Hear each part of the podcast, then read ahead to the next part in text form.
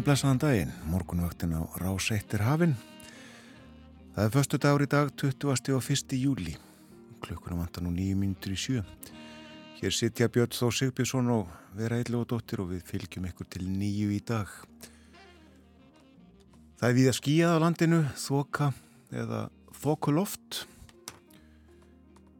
Allskíjað á höfuborgarsvæðinu og skiknið þannig að uh, ekki sést í keili híðan úr eftirleitinu í Reykjavík og um tíma var það þannig að uh, það rétt svo glitt í Kópavókskirkju. En uh, fyrir dagur enguða síður tólstega hiti og hægur vindur, mjög hægur vindur, mældust 2 metrar á sekundu klukkan 6. Tíustega hiti og logn á Kvanneri og tíu steg að hiti í stikkisólmi, all skíja þar, tveir metrar. Tíu gráður ennfremur á Patræksfyrði, áttasteg að hiti í Bólungavík. Sjö gráður á Holmavík, átta á Blönduósi, sex steg að hiti við Söðunisvita, nýju steg að hiti á Akureyri, skíjað, hægur vindur. Logn á Húsavík, sex gráður, fjóra steg að hiti á Rauvarhöfn fjóra gráðu líka á skjartingstöðum en fimm á heilstöðum, all skýja þar. Nýju steg að hitti bæði á höfni Hortnafjörði og á Kvískerjum en tíu gráður á Kirkjubæðaklaustri og á Stórhauða í Vestmanægum og 11 steg að hitti í Árnesi. 7, 8 og 9 gráður á veður á tónastöðum á Hálendinu. Svona voru aðstæður í landinu klukkan 6. Það er svo útlitt fyrir tíðendalítið veður í dag eins og uh, vaktafandi veðfræðingur orðar það í hugleðingum sínum. Verður uh, hæg breytileg átt suðaustan 5 til 10 metrar á sekundu við suðvestur ströndina annars hægari vindur. Skíja með köplum og líkur á stöku skúrum. Hiti yfirleitt 9 til 18 stig. Á morgun er svo Líka útlitt fyrir hæga, norðlæga eða breytilega átt og súld eða dálitla rigningu með köplum og eh, stöku skúrir sunnalands og þá verður áfram myllt en kólunar fyrir norðan. Og sunnudag er útlitt fyrir skíjað veður á landinu með dálítilli vætu í flestum landslutum. Þannig hljóma spáinn fyrir eh, næstu daga. Við fylgjum stöðut með fókbóltanum leikjunum á heimsmestramóti hvenna það er leikið í Ástraljú og Nýja Sjálandi. Og nú er alveg að ljúka leik Philipsæja á Sviss. Staðan er 2-0 fyrir Sviss. Og uh, þegar er lokið leik Nýgeri og Kanada. Markalust í aftefli þar. Og uh, það stittist í að viðrögn Spánar og Costa Rica hefist við fylgjumst með heimsmestramótinu hér á morgunvaktinni. Og geta þess að liði Philipsæja sem er, eh, já, við það að tapa fyrir Sviss, eru tveir leikmenn sem að spila með Þór Káa. Annars vegar, annar er þeirra, önnur þeirra er fyrirliði Philipsæska liðsins. Og taland um fókbólta, ég sá fókbóltaleiki gær, eh, vikingar lögðu ríka að velli í Európuketninni en 1-0 sigur duð ekki til því að eh, ríka vann á sínum heimavelli í síðustu viku 2-0 vikingar úr legg en uh, þeir leiku vel í gær, héttjuleg framistada. Og á sama tíma sigraði Káa andstæðinga sína í Veils, Káa vann líka fyrir leikin, hann fór fram í Úlfarsárdal í Reykjavík og Káa komið áfram. Eins og breyðablík sem að tríði sér áframhaldandi þáttöku í Európukefni með uh, sigri fyrir í vikunni. Littla fótbóltahotni þér hjá okkur. En uh, tónlist, við hlustum á tónlist, fyrsta lag þáttarins þennan morgunin á Cat Stevens.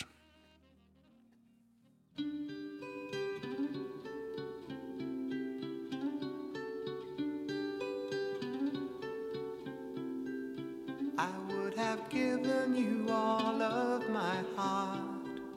But there's someone who's torn it apart. And She's taken almost all that I've got. But if you want, I'll try to love again. Baby, I'll try to love again, but I know.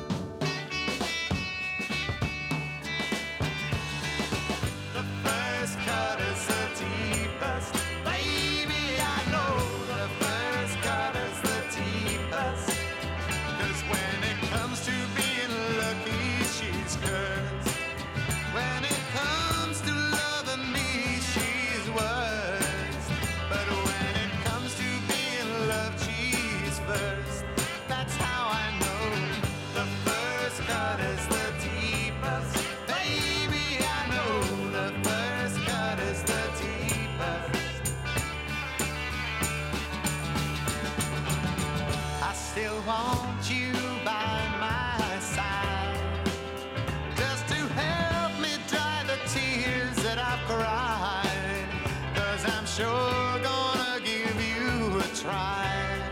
And if you want, I'll try to love again. But baby,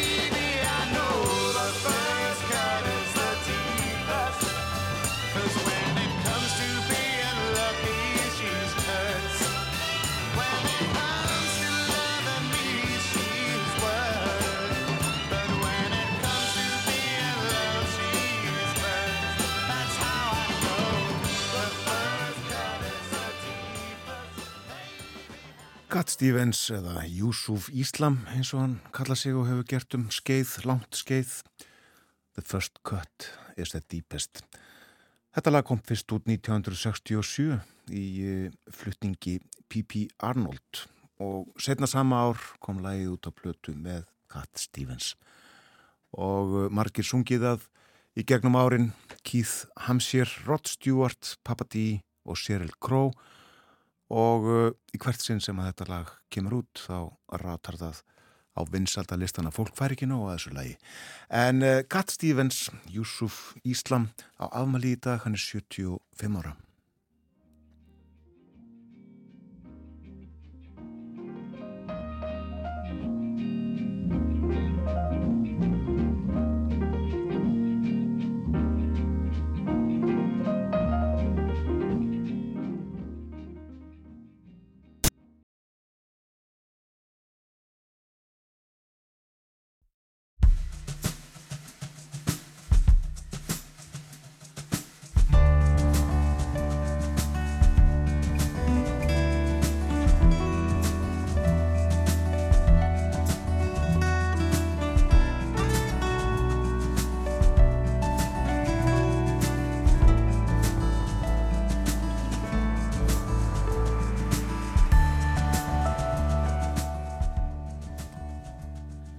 Góðan dag, morgunvaktin hilsar föstudaginn 21. júli.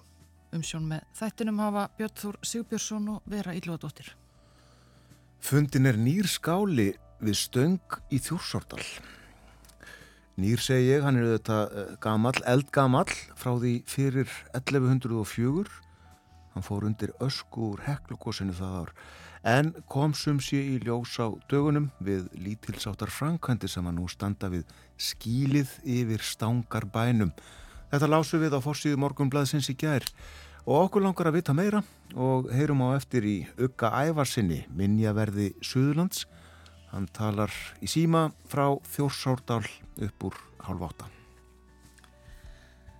Af hverju líður okkur svona illa þegar við höfum það svona gott?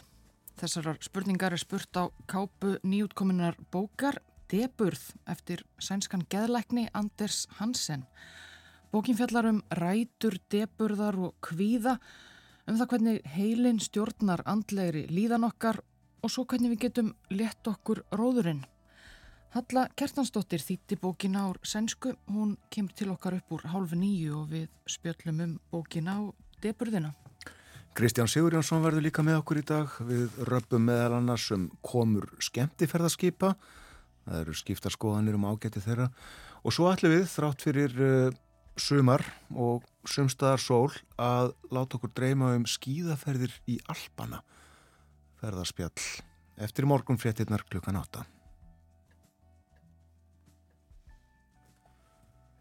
Sól sumstaðar, saði ég, uh, vera. Hvernig spáir? Það er útlitt fyrir tíðindalítið veður í dag, segir í uh, Spáni, Beinlinis. Það eru suðaustan 5-10 metrar á sekundu við suðvesturströndina en annars hægari vindur. Skíja með köplum og líkur á stöku skúrum. Hittinn á bylunu 9 til 18 stig. Svo ljóðar spáin fyrir eh, daginn í dag og eh, ekki miklar breytingar í kortunum um helgina heldur. Það verður hægur norðlega eða breytilega átt á morgun. Súld eða dálitil rigning með köplum á Norðurlandi og uh, þá kólnar heldur en sunnarlands verða stöku skúrir og áfram myllt í veðri. Á sunnudaginn er svo útlitt fyrir skíjað veður á landinu með dálitilli vætu í flestum landslutum. En mun sólinn skína á okkur í dag? Eh, Já, á hádegi klukkan 12 þá verður heiðskýrt uh, allavega á þremur stöðum, ef svo má segja. Þremur veður aðtugunastöðum sangvænt spákortinu, það verður gladasólskin í hádeginu yfir höfuborgarsvæðinu á eilstöðum og rauvarhöfn og uh, enn víðar setna í dag. Fleira frá veðurstofinni uh, á Vef hennar var uh, byrt í gær frétt, uh, nýjustu fréttir af eldgósinu við Littlar hút, það gís enn, sjáum það á uh, veðmyndavélunum. En veðurstofan uppferði sem sé í gær hættu matskort fyrir góðstöðarnar við Littlar hút. Öll nýjustu gögn hafa verið yfirfarin og í ljósi þeirra upplýsingar sem að nú líka fyrir hefur hættusvæðið, það sem ný gós op geta myndast verið stækkað, það verið stækkað í söðvestur og kviku gangurinn nær nú frá keili í norðuri undir merardala hnjúka í söðri. Það er sagt frá þessu ítalega í fréttinni á viðstofunar og sagt frá helstu hættum í næsta nákrenni og þær eru, nummer eitt, viðvarandi gasmengun og hættan eikst þegar vindlægir. Hættulegar gastegundir geta sapnast í dældum og jafnvel verið banvænar. Númer tvö, glóandi kvikan getur valdið gróðureldum á svæðinu sem draga verulega úr loftgæðum nálátt gósstöðunum. Númer þrjú, nýjar góssprungur geta opnast í næsta nágræni eldstöðana með litlum fyrirvara. Og númer fjögur, glóandi raun getur fallið úr raunjæðrinum og hröð og skyndileg framhlaup orðið þar sem nýjar rauntungur brjótast fram úr raunjæðrinum miklum hraða sem erfitt er að forðast á hlaupum. Þetta í huga í dag og í framhaldinu gasmengunar spáin í ljósi vindáta munu gasmengun berast til norðvestus í áttað Reykjanesbæ og Vógum. Og þá var fórsíðu morgunblaðsins og uh, á henni er stórmynd, fimmdálka mynd uh, frá góðstöðunum tekin úr lofti og þarna má sjá uh, gíin og raunið rauðglóandi spítast upp úr honum og renna þarna um stort svæði og það er ímest rauðglóandi, grátt eða svart og uh, þetta er ekki það eina sem er á myndinni því uh, þarna má líka sjá þyrlu, nýja útsýnis þyrlu norðurflug sem flug í gær yfir raunbreiðuna. Nú, uh, fréttin, stóra fréttin, þessar skærur eða, eða, eða, eða, maður kalla það milli uh, samkettniseftirlitsins og Brems, eða fórstjóra Brems, Guðmundar Kristjánssonar.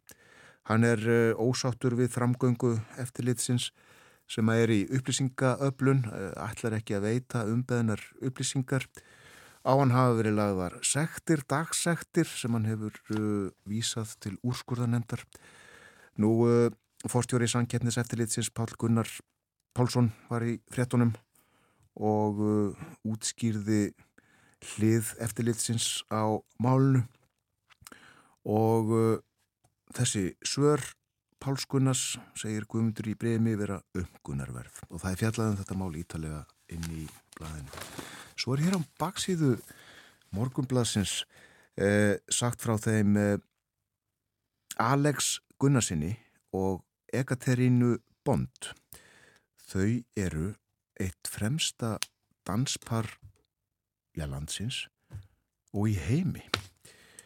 Þau uh, hafa unni til uh, gullverðalöna uh, tvei, í tveimur alþjóðlegum danskeppnum núna upp á síðkastið og uh, það er rætt hér við auði Haraldsdóttur, hún er frangatastjóri Dans Íþróttafélags Hafnafjörðar og hún segir ég vissi að þau ættu eftir að ná langt um leið og ég sá þau dansa fyrst saman.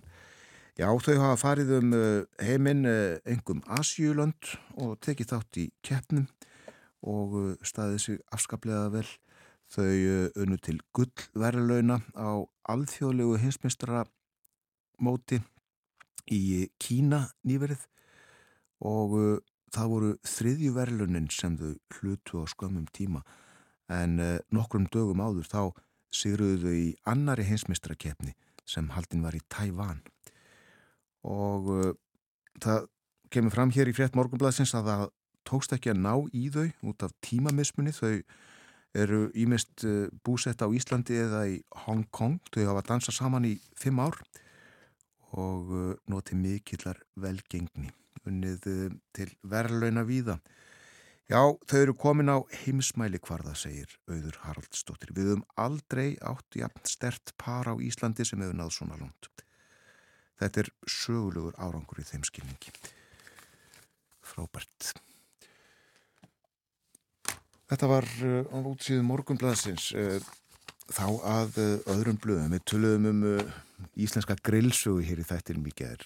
Nanna Raugvaldadóttir, matarsögu grúskari eins og hún kalla sig var hjá okkur og og fór yfir þessa sögu og sað okkur meðal annars frá auglýsingum sem að byrtust í blöðum á sínum tíma þar sem að grill voru auglýst og fyrsta auglýsingin byrtist 1962 og það vakti aðtökli okkar að það var í desembermánuði sem að grillið var auglýst og með þessum orðum hvað gleður fjölskylduna meira en vel steiktur matur? Notið útigrill. Og uh, það var uh, veslunin Jón Mattísen í Hafnafyrði sem að auglisti grillið þarna fyrst, það var 1962 og uh, slagorð vestlunarinnar var uh, það besta er aldrei of gott. Nú uh, svo sáum við líka aðteklisverða auglisingu í blaði 1964 það verið að selja fastegnir, þetta er fastegnasala sem er að auglisa hús og skip fastegnastofa til sölu einbillishús í smíðum í nýju villu hverfi á hitaveitusvæðinu. Selst tilbúðundi tréverk og málningu með tvöföldu gleri og tilbúða utan. Arinn í stofu, útigrill. 4-5 svefnarverki. Þetta var í villu hverfi. Já, uh, grill auðlisingar frá því á árunum upp úr 1960. Svo fann ég uh, grein um grill grill eldamennsku uh, í Vísi 1974. Þetta var heilsíðu umfjöllun. Kallmennir sjá um eldamennskuna var fyrirsögnin. Og ingangurinn, þeir sem keira um í Reykjavík um helgar, sérlega eða veðrið er gott, hafa sannlega tekið eftir því að verið þeirra steikja á útikrillum. Ekki nómið það, heldur eru það aðalega kallmennir sem sjá um eldamennskuna. Og uh, bladamadur Erna Vaff Ingólfsdóttir fann kallmann að grilla og uh, tók hann tali. Þetta var uh, Fridrik Theodorsson. Hann hvaðst oft grilla, hefði vanist þessu í dölsinni í útlandinu og varðla fara í ferðalag án þess að taka grillið með. Maturinn er allt annar svona grillaður. Það er svo sem ekki maður aðleitn sem sérum matseldina krakkarnir taka þátt í þessu af lífi og sál, sagði Fridrik. Og frúin var hann spurður, já hún er í frí í þessu tilfelli, eins og þið sjáið er þetta Karlmanns verk. Og hann var brósmildur þegar hann sagði þetta. Og held áfram að steikja og uh, hann gaf svo bladamanni og ljósmyndara að smakka. Og þetta var bara alls ekki eins og venjulegar lambakótilettur. Bragðið var alveg sérstakt, sagði bladamadur. Já, Fridrik Theodorsson uh, kannski með þeim uh, fyrstu til að grilla, hann bjó í útlöndum, bjó meðal annars í bandaríkunum starfaði fyrir íslensk fyrirtæki sem að hefðu starfsemi í útlöndum. En hann var líka tónlistamæður, uh, lék á hljóðfari og söng og uh, við skulum heyra hann syngja og uh, það eru miklu snillingar sem að uh, spila með honum uh, fremstur í flokki Árni Íslefsson sem að samdi lagið sem við hlustum á, bæði lag og texta. Lagið heitir Ég var rekin í dag. Ég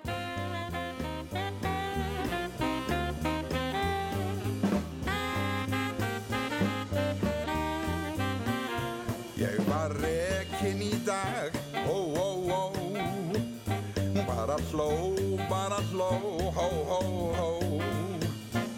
Í dunandi dans með dóttur forstjórans Kossar að klapp, við lögðum á það kapp. Höpp var heit, hún á mig leit, hó, hó, hó.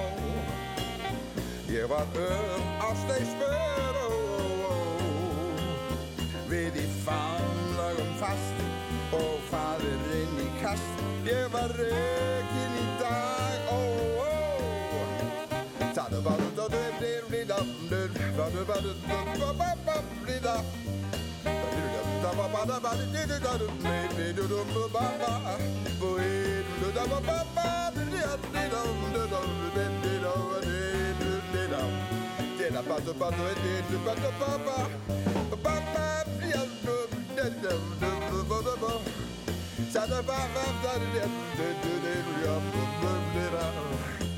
That's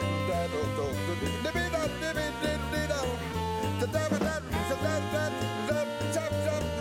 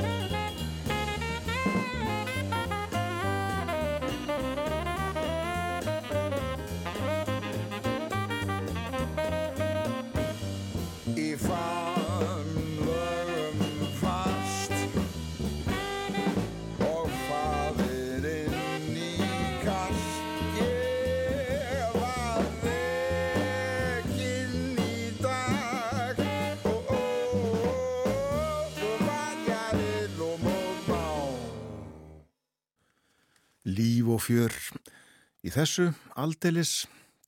Ég var rekin í dag, hljómsveit Árna Ísleifs og Árni samdi lag og texta. Hann leik á piano, Reynir Jónasson á harmoniku, Guðmundur Steingrímsson spilaði á trommurnar, Þorgrimur Jónsson á bassa, kontrabassa, Óskar Guðjónsson á allt saxofón og Þorleifur Gíslason á tenorsaxofón. Friðrik Theodórsson söng. Förum þá rétt sem snöggvast í tímavél. Förum 50 ára aftur í tíman. Það er förstu dagur, nokkuð liðið á júlimánuð eins og núna. Við í nokkur stuði og uh, okkur langar á ball. Okkur langar á ball að tjúta. og hvað er í bóði í Reykjavík og höfuborgarsvæðinu. Við tökum fram morgunblæðið og það er aldeilis úr ímsu að velja. Ingólskaffi, gömlu dansarnir. Hljónsveit Garðars Jóhanssonar, söngvari Björn Þorgesson. Það er diskotek í Sigtúni. Í Tónabæ leikur hljónsveitin Haukar og uh, það er líka blötusnúður í Tónabæi kvöld Magnús Magnússon. Stormar spila á Hotel Borg. Í Glæsibæ er Haukur Mortens með sína hljónsveit og uh, framkemur líka söngparið The Two of Clubs. Gattavír er á röðli hljónsveitin Gattavír og Opus leikur í Þóskaffi. Og veitingahúsið Lækjartegi 2 þar eru fjarkar og ernir. Og Sara skemmtir í Silvutunglinu til klukkan eitt Í eh, Súlnasal Hotel Sögu er Musica Maxima. Það verður dansað til eitt þar. Og eh, á Hotel Loftleðum þar er í Blómasalnum Tríó Sverris Garðasonar og í Víkingasalnum hljónsveit Jóns Páls, söngkona Þurriður Sjóradóttir. Brimkló er hins vegar í tjarnabúð og uh, við erum einna spenntust fyrir Brimklóa þessu sinni. Já, förum út og á ball með Brimkló.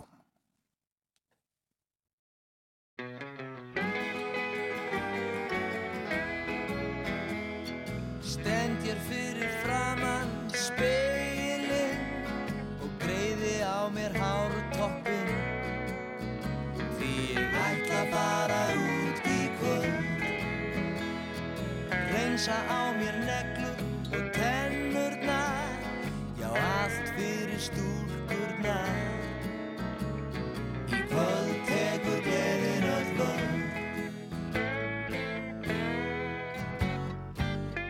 sinnum fjórir undir hendurnar Ofur lítið brúnt á kynarnar Nú ætti ég að vera klár í hvað sem er.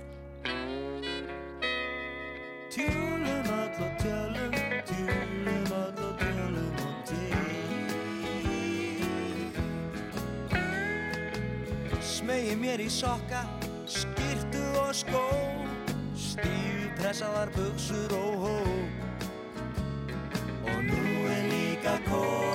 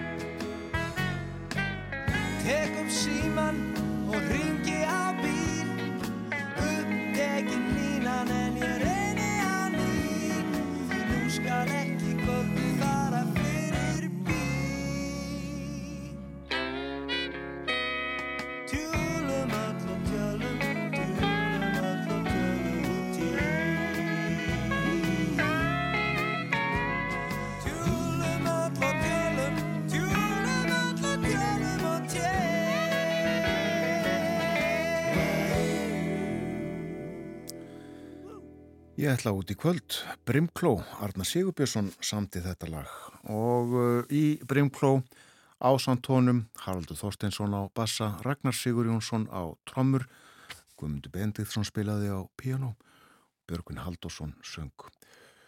Og enn eru við í stöði, hlustum á uh, eitt lag enn með sömursveit Brimkló.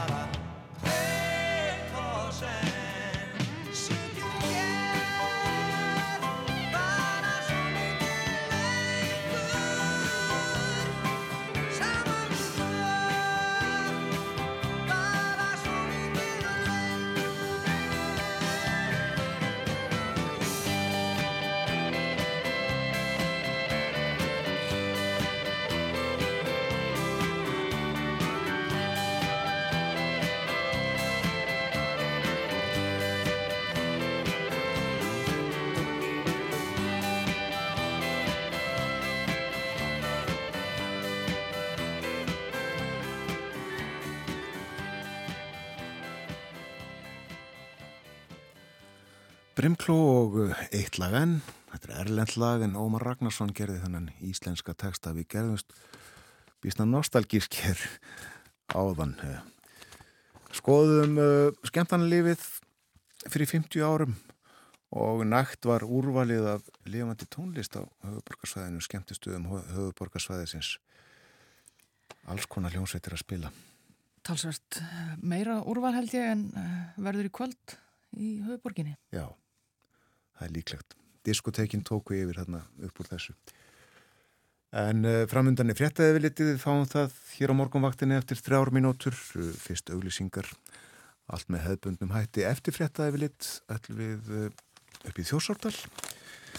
Þar er Uggi Ævarsson, minnjavörður, hann og samstarfsmenn hans fundu nýjan skála, eld, eld, eld gamlan. Þeir voru að uh, störfum þar í vikunni meira að það á eftir. Minni svo á Kristján Sigurjónsson og ferðarspjall eftir morgunfrettir og uh, svo er það uh, deburðin. Við fjöllum um hana milli hálf nýju og nýju. Já, þá kemur til okkar eh, Halla Kjartansdóttir þýðandi. Hún eh, þýtti bók sem að heitir einfallega Deburð eftir sænskan geðlækni Anders Hansen og á kápu bókarinnar þar er spurt af hverju líður okkur svona illa þegar við höfum það svona gott. Deburð og kvíði og rætur hans.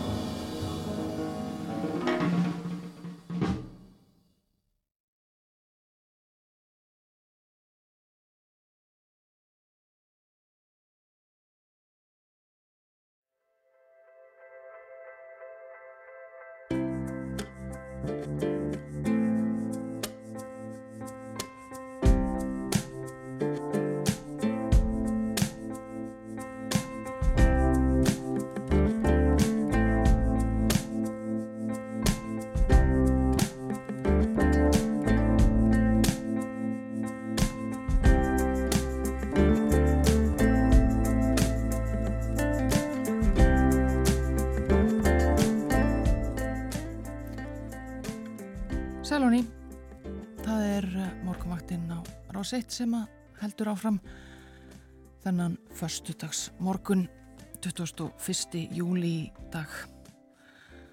Og það er útlitt fyrir eh, tíðindalítið veður í eh, dag eins og það er orðað í hugleðingum veðurfræðings á veðurstofu, hæg breytilega átt Suðustan 5 til 10 metrar á sekundu við suðvesturströndina en annars hægari vindur. Svo verður skíða með köplum og líkur á stöku skúrum. Hittin í dag á bylinu 9 til 18 stig og veðrið um helgina nokkuð svipað. Það verður hæg norðlæg eða breytilega átt á morgun. Súld eða dálitil rigning með köplum en stöku skúrir sunnalands áfram mildt en kólunar fyrir norðan. Útlitt fyrir skíað veður á landinu með dálítilli vætu í flestum landslutum á sunnudaginn. Morgunblæði saði okkur frá því í gær að uh, nú á dögunum fannst uh, nýr skáli við stöng í Þjórsártal. Nýr, ja gamall auðvita, menn voru að uh, störfum þarna tilteknum þegar þeir fundi eitthvað og áttuðu sig á að, að þarna var sem sé skáli. Og við erum í sambandi við Uga Ævarsson, minnjavörð Suðurlands, hann er stattur í Þjórsártalnum. Góðan daginn, Ugi. Jú, góðan dag. Já, við þurfum að vi vita meira um þetta, er ég nú hrættur um. E, byrjaðu kannski á að segja okkur allra fyrst hvað þið voruð að, að bauka þarna? Jú, sko, þannig er að, að það stóð til að, hefur nú staðið tilrenda lengi að, að lappa upp á yfirbygginguna eh, sem er yfir eh, rústónum hann á stöng og var reist sko árið 1957 og er nú orðin svona hansið meðtekinn. Eh, Þannig að það var sem ákveðið að fara í það núna í sumar og, og það sem gengur út á það, sem fyrir utan að skipta um þak og klæningu að, að lengja skálan örlítið til austurs eða lengja sem sagt yfirbygginguna til austurs og, og bara um einhverja fjóra metra og þá náttúrulega fóru við forlega fræðingar á stúana til þess að aðtöfa hvort eitthvað væri þar uh, neðanjarðar. Og þá kom í ljós bara þessi, já, já skáli eða viðbygging við skálan e, sem sagt samtíða skálanum sem, sem við sjáum, sjáum núna sko. Og, og hérna þannig að þetta er afskaplega spennandi mál verður að segjast. Ég skal trúa því. En uh, á sínum tíma uh, þá hefur ekki meira verið rannsakað eða grafið en svo að, að það er núna komið í ljós að, að þessi mannvirki voru meiri og stærri heldur en áður var talið. Já, þeir áttu nú kannski bara fullt í fangi blessaði þarna, þarna 1939 sko þegar þeir gróðu þetta fram og þá var þetta náttúrulega smett fullt af vikri þessi, þessi bygging sem þeir sá nú bara rétt svona í, í toppin árinni þannig að þeir raunni á, á þessum tíma þá grófuðu náttúrulega bara þeir bara fjúpuðu skálum okkur bara innan úr byggingunni og, og voru sem þetta ekkert að fara út fyrir veggi, út veggina sko Nei. og hérna þannig að já, já og það er kannski ekkit, þetta var náttúrulega sko gríðarið búl á þeim tíma, það er allt handmókað og fram að kannski lágurðum það ekki beint, en, en í dag náttúrulega reynum við alltaf að fara út fyrir veggi einmitt upp á þetta, en geta séð svona hvort það er eitthvað, einhverjum viðbygging eða eitthvað alveg næsta nágrunni. Já, en var bara þessi fundur einhverju nýju ljósi á uh, hvernig, uh, hvernig hérna búið var þarna og, og umfang og annað? Já, það er kannski svona ekki kannski stóru myndinni þannig séð, sko, þó að bætist við þarna eitt svona íveru hús, þetta virðist nú vera svona Þetta virðist alveg að vera, þarna hafa menn haft eldum hönd sko, þannig að þetta eru ekki verið gripahús. En, en við sjáum í rauninu ekki nákvæmlega hvað þetta hefur verið, en, en, en, það er sem sagt eldstæði. Uh, en það er kannski svona helsta í þessu er, nýnaðið kannski má segja, svona statisting á aldri byggingarinnar. Já. Það hefur svona svolítið verið á flökti, þetta er náttúrulega merkilegur staður þjósadalur ekki síst stöng að því leitinu til að Já, það má segja að þetta sé svona vakka sko fordleifa fræðinar á Íslandi því að bæða var Kristján Eldjáð, þannig ungur maður með, með Óge Rússel sem, sem hérna grófið þarna 39 og eins var Sigurður Þóra eins og njörfræðingur sem eiginlega svona Já, má segja þarna hafi kannski hann farið að leggja að drauga þessu gjósku laga tímatali sem hann fróði og, og gengur út á það að þekkja gjóskulög um, um allt land. Eldfjalla gjósku sem sagt og, og hérna og, og, þá er náttúrulega búin við, við, við þetta einstaka tæk í dag að geta aldursgreint það sem er undir tilteknum gjóskulægi þá eldra og náttúrulega yngra eða róan við. Og hann var að þróa þetta þarna eða leggja drauga því þannig að þetta er aðeins verið svona, það er aðeins áhald um aldurinn þarna á þessum skála og það er sjálfsagt að fleiri, fleira þarna gerast, það er sennilega eldri skáli þarna undir núverandi skála. Og það var nú Vilhjálmur Örn Vilhjálmsson forðlagafræðingur sem komst að því þarna á nýjund áratögnum og hann stundaði þarna talsett rannsóknir. Uh, en þannig að þetta svona alltaf þetta hús er undir þessum, þessum uh, heklu vikli sem fjall 1104 við, erum nokkuð viss á því eftir, eftir þetta hún, hann sá vikur liggur þarna upp að þessum, þessari viðbyggingu þá á skálanum. Já. Þannig að það í sjálfur sér er interessant. En eh, er erfið að segja til um og kannski ómögulegt hvenar þetta var reist? Já, það er nú kannski erfitt að segja svona nákvæmlega til um það en, en samkvæmt okkar rannsóknarna núna þá virðist þetta vera sko þá, við, þá er hérna landnámslægið sem fjallinu þarna uh, bara rétt við landnámið og, og, og eldgjár gjóskan líka sem fjall hvað 934 eða 9 við sjáum þær eins og undir uppgráta svæðinu óhreyfðar Þannig að það virðist sem, sem sko búsettar ekki hafist þarna fyrir en eftir eldgjána 934 eða 9 og ég hafði svolítið þannig að ég veit, það, það má kannski ímynda að ég bara tala bara um tíu, setni hluta tíundu aldar, um, um miðbygg tíundu aldar kannski. En þetta er já, mjög skömmu eftir að Ísland tók að byggjast. Já, kannski ekki alveg svona fyrsta bylgjan en, en, en ekki, ekki löngu eftir, nei. Nei, en uppgröfturinn 1939 var auðvitað meiri áttar viðburður í samfélaginu, er það ekki?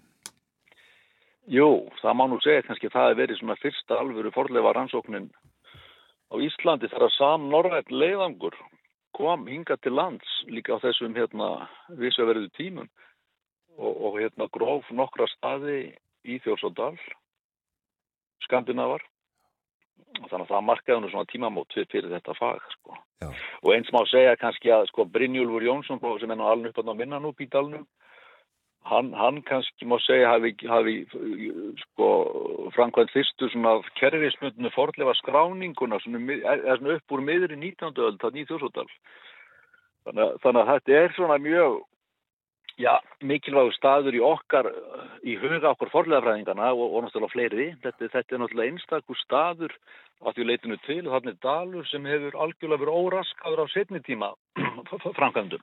Já, Það, það hafa engar skurgröfur þarna verið að ræsa fram mýrar eða slíkt. Hann er bara eins og í, í vak vakúmi, sko, má segja. já, já, já. En uh, bara verið uh, grafið upp á stöng, eða hvað? Nei, nei, það var grafið hérna 39 á fleiri bæjum, sko. E, e, e, já, já, það var hvað, fjó, já, fjórum öðrum, hefur maður rétt. Og dalur er svona sæmilega kort lagður, hvað þetta varðar? Já, það má nú segja að það loksins hafði hérna, það reyndar bara örf og ár síðan eh, svona heldstæð þórdegarskráning fór fram í dalnum en, en auðvitað búið að vera náttúrulega ganga á þessa þekktu staði náttúrulega áratugum saman alltaf en, en, en núna likur fyrir sem sagt alveg heldstæð þórdegarskráning sem er náttúrulega mikill, mikill kostur. Já. Hafa greipir fundist líka í þessum uppgrafturum? Uh, já, já, þeir hafa gert það ekki um tíðina og- en, en núna hjá okkur að þá kannski hefur þannig ekkert verið mikið en við höfum- fundið mikið svona játn, þetta eru svona eins og li- litlar bara játn svona kekkir, maður sér sjálfur sér ekki hvað þetta er fyrir, fyrir það er röntgenmyndað og, og einhverja hérna, jú, jú, einhver, einhver svona kopar hluti og, og örlítið keramikbrot sem er að segja, Já, já. Sem, sem svona, sem svona okkur nördónum þykir, þykir hérna, þykir, þykja tíðindi, sko. Já, og allt varvett auðvitað vandlega. Já, já, já, já, þetta, já, já, þetta fer allt í bara réttan farveg, sko. Þú Greiningar og- nef nefndir að, að uh, það hefði greinlega verið eldstæði í þessum skála sem að, að fannst núna á dögunum. Hvernig eru minjar um eldstæði frá því fyrir hvað þúsund árum eða hvað það nú er? Já, sko, ég er fyrir eldurinn sem slíkur hef lítið breyst þessum tíma. En hérna, en, uh, jú, jú, maður sér það er náttúrulega kól, þetta er bara viðarkól mikið og, og viðarkóls aska sem smyrst náttúrulega úr eldstæðum yfir eins og gól, yfir gólfi, þannig að gólflög eru svona svört af, af sóti og eitthvað sem smittast úr eldstæðum, en, en svo sér maður náttúrulega líka bara það er brent torf, það, það verður svona mjög skært þegar torf brennur og, og brent bein þannig að það fer nú ekkert á milli mála ef maður sér svoleiði sko. nei, og svona laga varðveitist vel í jörðinni. Já, alveg lígilega Já. og, og hérna það er magnað sko eins og við hérna það kom hann að stjætt í ljós sko sem það sko þetta haganlega gerð stjætt sem, sem hérna hefur ekki verið gengin sem sagt í þúsund ár og, og við höfum gaman að því að tippla hana Já, ég skal trúa því. Hvað, er, er djúft niður á skála gólfið? e eða já, byggingunum, við höfum kannski bara kalla þetta byggingu Já, já. En hérna, já, það, já, þetta er nefnilega ansið djúpt. Þetta er svona, eitt, alltaf sé ekki svona 1,60 að jafnaði frá yfirborði. Já, akkurat. Og hvað ætlið að gera við þetta? Uh, á að byggja yfir þetta eða, eða grafa yfir þetta eða hvað? Nei, við vorum nú, Eða móka uh, yfir já, já, þetta? nei, sko, nei, niðurstaðan er hann búið að fara svona ímsar, hérna, ímsar skóartúra náttúrulega í þessu en, en niðurstaðan er að uh, varðveita þetta bara eins og skálan það, það verður bara byggt uh, bygging, eða sagt skíli verður bara framlengt yfir þetta Já. þannig að þetta verður bara til sínis eins og, eins og, eins og skálinn og, og vonandi sko, gengur það eftir það bara núna þeir eru bara að byrja núna uh, hérna, verktakarnir að að hérna að lappa upp á yfirbygginguna þannig að vonandi verður þetta bara komið undir þak fyrir veturinn. Við vonum það. Eh, Gaukur bjóástöng. Hvað vitum við um Gauk? Já, það er nú kannski ekki mikið sko, en þó það er svona, það er svona vísað til hans í ýmsum heimildum, svona í einhverjum meðaldatekstum og, og, og hvernig var þetta nú hérna í, stóð sko, hér hefst Gauk saga Trandilssonar sem var eitthvað mestur garpi, kappi á landinu, en svo kemur ekkert meira. Svo er, svo er það týnt sko, það er, svona, það er svolítið bagalegt. En, en það er svona vísað í henni njálu og, hérna, og, og, og víðar. Þannig að hann er svona einhver fígúra hefur verið sem talsverður gaur svona. Og, Já. Hérna, en, en hann samkvæmt svona þessu einhver, einhvers konar tímúttali í, í Íslendingasögunum að þá á hann að hafa búið þarna á einmitt held ég setni hluta tíundaldar. En, en það veit hann ekkert hvernig er svona árum verið líkinir. Bísna þekktur uh, Gaukur þó að lítið sér vitað um hann. Já, og svo he- heyrir maður nú þarna koma gesti, sko, er nú ansið mikið rennir í hérna fólki. Það er nú kannski ákveðt að nota tækifærið og, hérna láta, láta vita af sem sagt, við þurfum að reyna að halda, við þurfum eiginlega að loka skálanum. Þetta, þetta, þetta, eru, við erum hann með gröfu og alls konar verið að rífa og tjöflast, þannig að það er einlega, einlega byggðum til fólks að vera ekki að koma mikið upp á stöng þessa dagana. Já.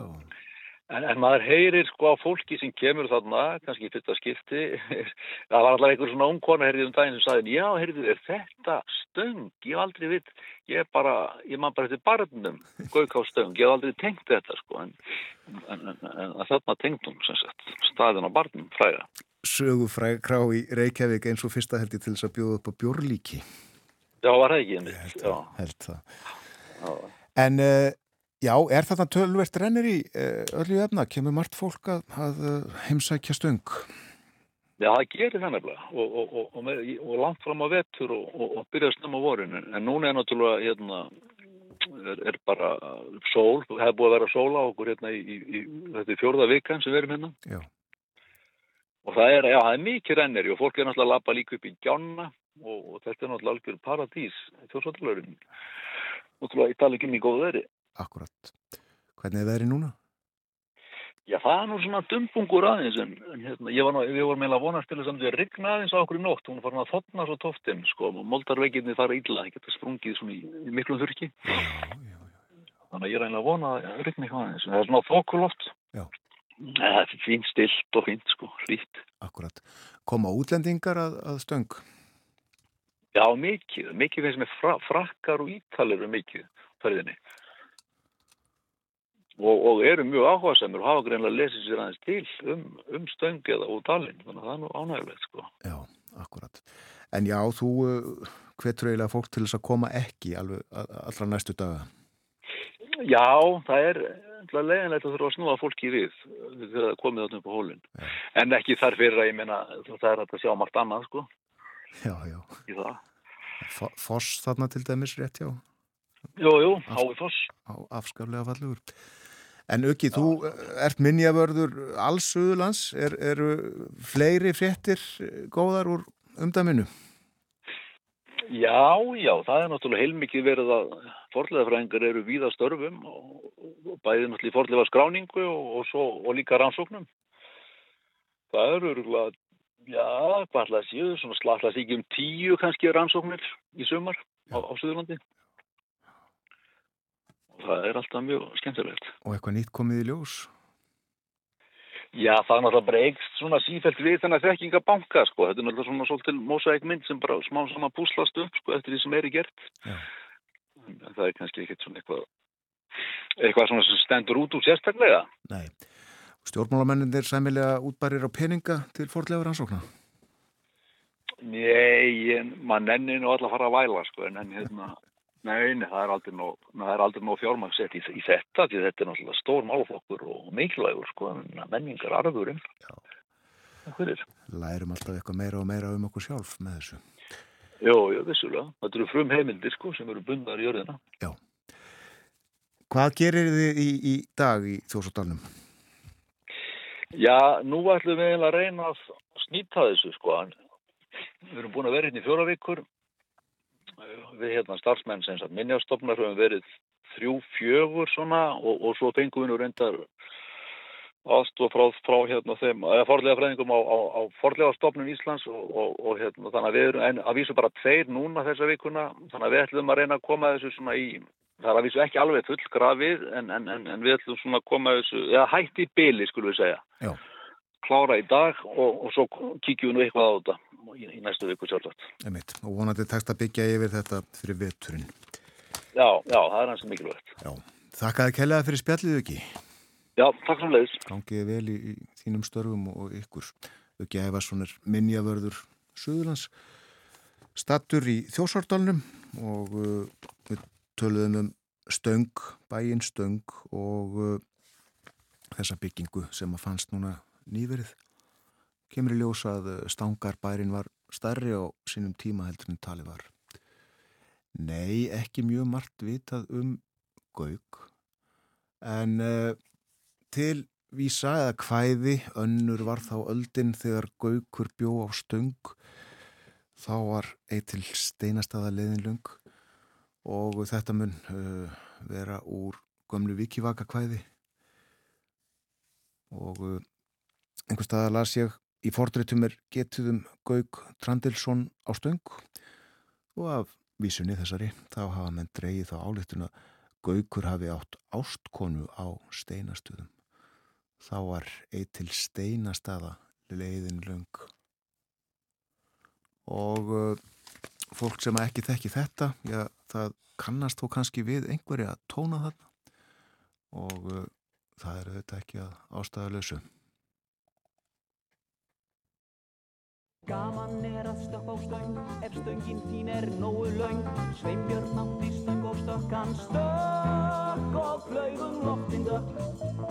Að morgni dags á myrkun tíð og mýrin undir djúb og víð gráan bók á baki bar bækur Hómer sláu þar.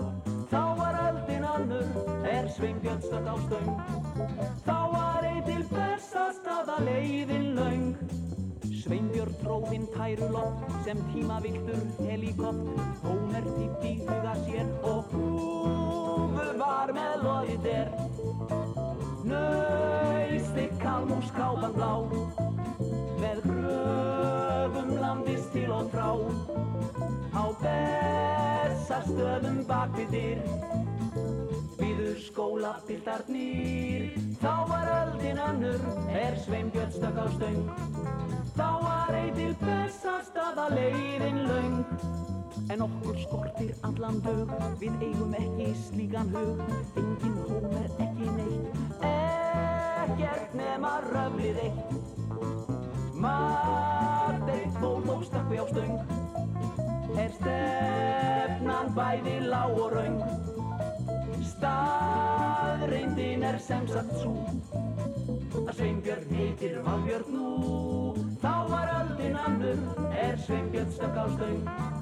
Þá var eitt til bestastaða leiðin laung Já, þá var öldin önnur er Sveinbjörn stökk á stöng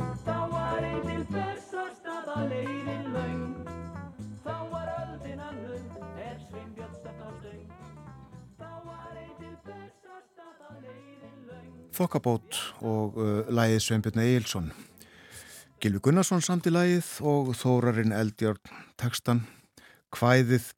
Hann uh, nýtti sér uh, þessa gömlu vísu, vísu vikivaka kvæðið. Uh, þá var, önnur var þá öldin þegar Gaukur bjó og stöng. En uh, stöngin sem sagt í ljóði Þórarins allt, allt önnur heldur en uh, í hinu tilvíkinu og uh, fadir Þórens Kristján Eldjárn var einmitt við uh, uppgröftin í Þjórsádal 1939 eins og Uggi Ævarsson sað okkur frá.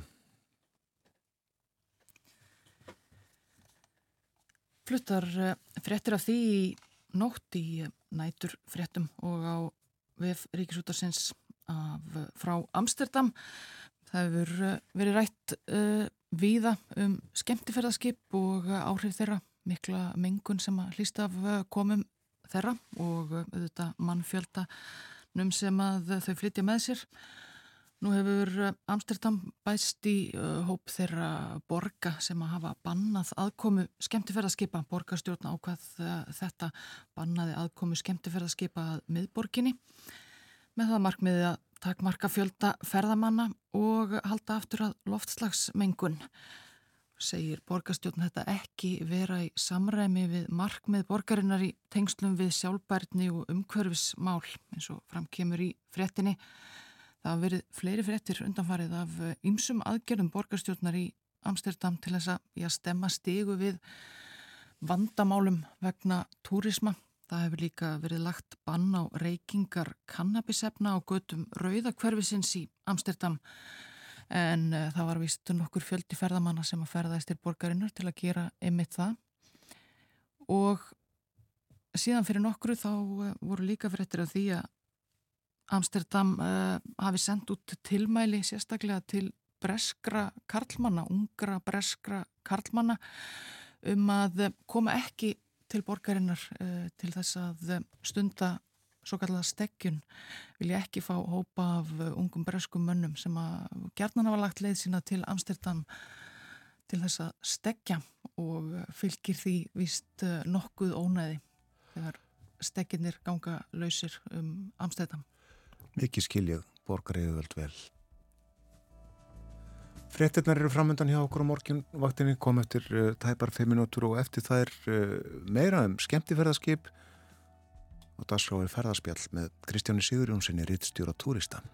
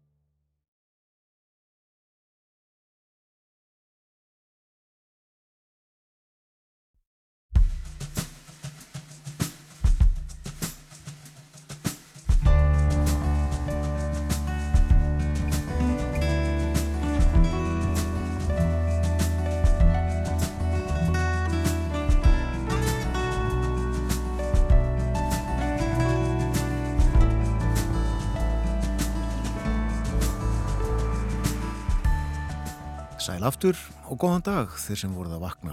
Þetta er morgunvaktin á rás 1. Klukkan farin að ganga nýju, 5 minútur gengin í nýju. Það er förstu dagur í dag, komin 20. og 1. júli.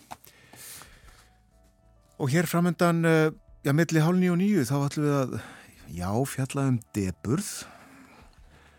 En uh, spurningin er, stóra spurningin sem uh, varpað er fram á kápu nýrar bókar, sænskrar um depurð. Af hverju líður okkur svona illa þegar við höfum það svona gott?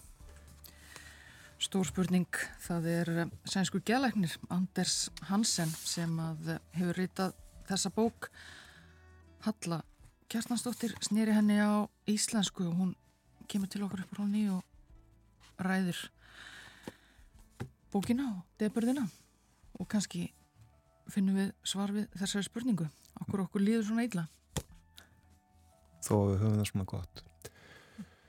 Sænskar rannsóknir til umfjöllunar á eftir en í Svíþjóð, núna er Kristján Sigurjónsson, reittstjóri túrista. Heil og sæll og góðan dag. Góðan dag. Við ætlum að spjalla um ímislegt uh, að þessu sinni er varðar uh, ferðamál, ferðalög. Við ætlum að byrja á skemmtifæraskipunum sem að nokkuð hefur verið rætt um uh, á Íslandi síðustu daga Eh, umræðan hófst, held ég megi segja, eh, núna af krafti eftir frétt hér í sjónvarpinu um eh, mengun frá skemmtferðarskipum. En það kemur í ljós að eh, Ísland er mjög ofalega á lista yfir þau ríki þar sem mengunin er hvað mest vegna svona skipa. Þetta er nú umfjöldunar efni sem að, við höfum komið inn á nokkrum sinnum og þetta er rætt út um allan heimir það ekki, mengunin frá skemmtifæraskipum. Jú, hún er nú tölver til umræðu og sérstaklega kannski þessi svona fjöldi ferðamanna sem kemur með þessum skipum svona yfir dagspart og, og veldur svona tölver álægi á, á viðkomandi stöðum. Þannig að það eru svona ákveðnar umræður uh, hafa verið eða svona, hvað sé, meiri þungi umræðin um, um þessa útgerð núna en var kannski fyrir heimsfaraldur og, og það bætist svo við náttúrulega að skipin fóru áður, þau sem voru svona á svona í okkar heimsluta fóru tölvert eins og til Sandi Pétursborgar í Rúslandi, Þa, þar eru þau ekki í dag og þar leðandi eru kannski eru að sjá þennan vöxt á Íslandi að hluta til út af þessu, það er að segja að það eru fleiri skemmtifæraskip sem koma til hafnar á, á Íslandi nú í sumar en okkur svona áður. Það eru 20 íslenskar hafnir sem taka mótið skipum og, og flest stoppaðu náttúrulega í Reykjavík og það er búist sko við um 270 skipum í sumar með um, já, hátt í 300.000 farþega þannig að þetta er, þetta er mikill fjöldi og, og, og það er náttúrulega sýnir sér til dæmis á myndum sem var byrst eins og frá Akureyri og Ísafyrði að það er svona blá móða sem liggur svolítið yfir þessum bæjarfélögum sem að daga og en, en ná, menguna búnaður í þessu skipum á að vera góður en, en eins og þú vísar í þá sína samt þessar tölur sem uh, hafa verið umræðinu núna að mengun frá Ski, þessu, þessu skipum er umtalsverð. Já, já, það er bæði mengunin og einst þetta fyrirkomulag, fólk dvelur í skipunum fyrir aðeins í land og það er sagt, þetta fólk, allt þetta fólk, það eigður engu. Nei, en það vilja fósasmenn uh, þessara samtækja á Íslandi, Krús Æsland sem eru hafnarstjórnir og, og, og ferðarskustofur sem taka móti þessum fartugum og skipilegja ferði þeirra innanlands að, vilja meina að þessi hópu sé að eida töluverðu og, og umræðan er náttúrulega svolítið sko, hún snýr svolítið um peningamáli líka því að hafninar hafa af þessu gríðarlega tekjur, um helmingur af tekjum, akkurir hafnar kemur frá skipunum og hlutfallið er held ég ennþá herra á Ísafjörði. Uh, en svo verður við kannski að horfa á þetta í svona heildasaminginu og, og það má kannski segja að fórstýra Æslandir hafi komið inn á það í viðtali á síðan túristæði vikunni, hann talaði um svona að þetta væri náttúrulega auðljóst að flýið mengaði líka en, en það þyrti kannski að hérna móta svona ákveðna stefnu og, og, og það er þá stjórnvalda kannski að að velja á milli, svona, hvernig, hvar áherslunar eiga að vera, það, eins og fórstýra Æslandi bendir á, þeir sem komi flýið, þeir gist á landinu og þar náttúrulega já, kaupa þessi matinn og, og fara um landin en að skemmtiferða farþeganir eru kannski meira í stuttum heimsóknum og, og eru mitt svo vissulega í skipunum og, og borða þar jáfnveg líka. Já, já, eigða yngu, það er auðvitað ekki rétt en þeir eigða ekki í gistingu eða, eða mat svona helstu máltíðir allavega á veitingastöðunum. En það er engin stefna, engin áallin sem að unnið er eftir í þessu. Önnur en svo bara sem að hafnirnar á þessi fyrirtæki hafa að, að fá þau. Já, það er eiginlega, sko, þetta er svolítið, hvað getur maður sagt, sko, þetta er svona hver bara ræðu sínu og, og hafninar taka móti öllum þessu skipum og fleirum en áður og, og hérna, og sama tíma sjáum við að Æslandir og Play hafa svolítið breytt um kurs, það er að segja að við horfum á rekstur flugfélagana fyrir COVID, núna er eru ferðamenn á leið til Íslands miklu flerri í þótum flugfélagana en áður var. Áður voru þetta mest, hlu, meiri hlutin voru svona þessi tengifartega sem aðeins millilend á Íslandi. En núna er eftirspurnin eftir Íslandi svo mikil að flugfélagin flytja til landsins miklu flerri en áður. Skipafélagin, það skemmtifærarskipin eru með miklu meiri umferð og, og koma miklu fleiri ferðamenn áður. Þannig að það eru bara allir á flegi ferð og, og, og landið bara ja, þarf að taka við og og vissulega er einhver stefnumótun að vinna í gangi á vegum ráðuneytisins og það er ætlast til þess að vinnuhópar skilja á sér allskins stefnuplökkum nú í haust og í byrjun vetrar. En, en, en, en núna sko eins og þetta lítur út þá verður eiginlega engi breyting næsta sumar því að skemmtifæraskipin eru farin að bóka sig og kannski lungu búin að því fyrir næsta sumar og, og Við sjáum að Æslandir og Play ætla bæði að bæta við þóttum og, og ef stefnan þar, á- þar verður áfram svo að leggja áherslu á ferðamenn á leið til Íslands því að þeir borga meira fyrir sætið heldur en að þá verður bara landið að taka við ennþá meiri, fleiri ferðamenn næsta sumar. Er mynd það. Áður en við hættum að tala um skemmtifæraskip, eh, Vera, þú saðir hér aðan frá frétt sem er hjá okkur að rú.is frá Hollandi. Já, sagt frá því að eh, borgarstjórn í Amsterdam hafi bannað aðkomu skemmtifærðarskipa að miðborginni, einmitt vegna, já, bæði vegna mengunar og eh, vegna þess fjölda ferðamanna sem, að, sem að kemur með þessum skipum og, og talaði um það e, fulltrúar borgarstjórnar sem að segja að móttaka skemmtifærðarskipa sé ekki samræmi við markmið borgarinnar í tengslum við sjálfbærni og uh, umhverfismál. Kri- Kristján, hafa eh, margar aðrar borgir eða lönd eh, tekið sambarlega ákvörðun? Já, kannski þekktast þetta að mér eru fennigar sem hafa svona bannað skipunum að koma inn í höfn þar en, en hérna og við sjáum svo sem að umræðan í, í, á Íslandi er, það maður þetta spekla hana kannski svolítið við ástandið í Nóri, þar er einmitt tölvert fjallað um komur skemmti fyrir að skipa nú í sumar því að, að hérna, Nóri er vinsæll áfengastæður hjá skipunum og og þar hefur talað um að allavega tveir fyrðir munu svona lokast, ef við getum sagt sem svo, 2026, sem sagt eftir þrjú ár og það er vegna þess að þessi fyrðir eru sérst, heimsminjaskrá UNESCO og þá þykir ekki lengur hægt að, að hleypa inn stórum skipum með þúsundir farþega inn í, inn í fyrðina. Þannig að þetta er kannski einhver umræð sem Já, þessu hluti umræðina mun kannski skila sér til Íslands fyrir en síðar en, en, en svo er það líki í þessu sko umhverfisar á þeirra hefur í sjálf sér ekkert blanda sér í umræðina en létt þó hafa það eftir sér í vikunni að það þyrfti að flýta fyrir rafvæðingu í höfnu landsins og að skipin getur bara stungið í samband og hægt að menga allan við, við bryggjuna en, en, en það má þó ljóst vera að það þarf gríðalegt rafmagn fyrir þessi skip. Hafnastjörnum í Ísafjörði til dæmis í viðtal við túristað nýlega, nýlega að sko eitt stórt skemmtu fyrir skip þyrfti álíka mikið rafmagn og allt bæjarfélagið. Þannig að það er kannski ekki hlaupið að því að koma öllum þessum skipum í, í rafmagn. Nei, akkurat. Það þarf eitthvað plan, greinilega. Uh, förum í háloftin, uh, það er vona á 100 flugulum til keflaði ykkur flugvallar í dag. 102 koma á morgun, eh, komu 105 í gæðir, 107 á þriðudaginn. Þetta er ótrúlegu fjöldi. Já, þetta er mjög mikil umferð og, og sko það sem er eiginlega það sem stendur undir þessum þessari viðbót frá síðasta sumri eru bara íslensku flugfélagin því að erlendu flugfélagin er, hafa í lengu bætt vísi þannig að það er hérna, þetta er svolítið áhugavert sko, það eru þessi Æslandir og Play sem eru eru á flegiferð og standa undir hátt í 80% af uh, umferðinni. Þannig að þetta er hérna til marsum hvað Já, það er uh, ríki bjassin í íslenskum flugreistri, það er að segja að það sé hægt að, að, hérna, að reyka flugfélag með hagnaði á kemlegu Já, tölum aðeins um Æslandir á eftir, uh, afkoma, hvað, síðasta ársfjórðungs var kynnt í gær. Fyrst aðeins það komið það ekki á dögunum tölur um eðslu ferðamanna á Íslandi.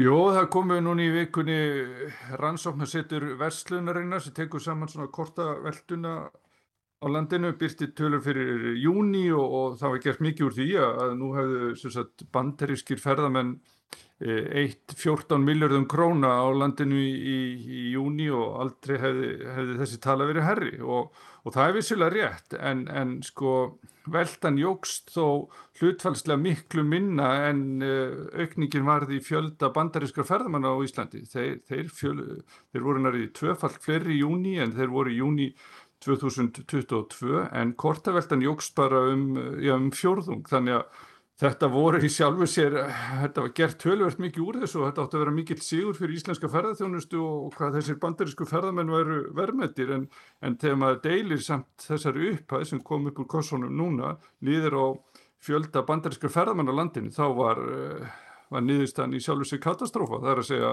hún síndi að, að korta velta á hvern bandaríska ferðamann hafi lækkað gríðarlega frá því í fyrra og var miklu lægri en árónu fyrir heimsfaraldur. Og maður spyr sér sko hver er eiginlega, hverjum er eiginlega greiði gerði með því að svona já, kynna töluna með þessum hætti eins og rannsóknarsettur verslunarinnar gerði? Því að þetta gefur náttúrulega kólranga mynd af stöðinni þar að segja mála þetta með þeim litum að þarna sé verið sko setja eitthvað met og allt sé og, og uppleið þegar að sko hinn stærðin í þessu, það er þess að fjöldi bandarska ferðmanna, hún sýnir að þetta hefði átt að vera miklu meiri velta.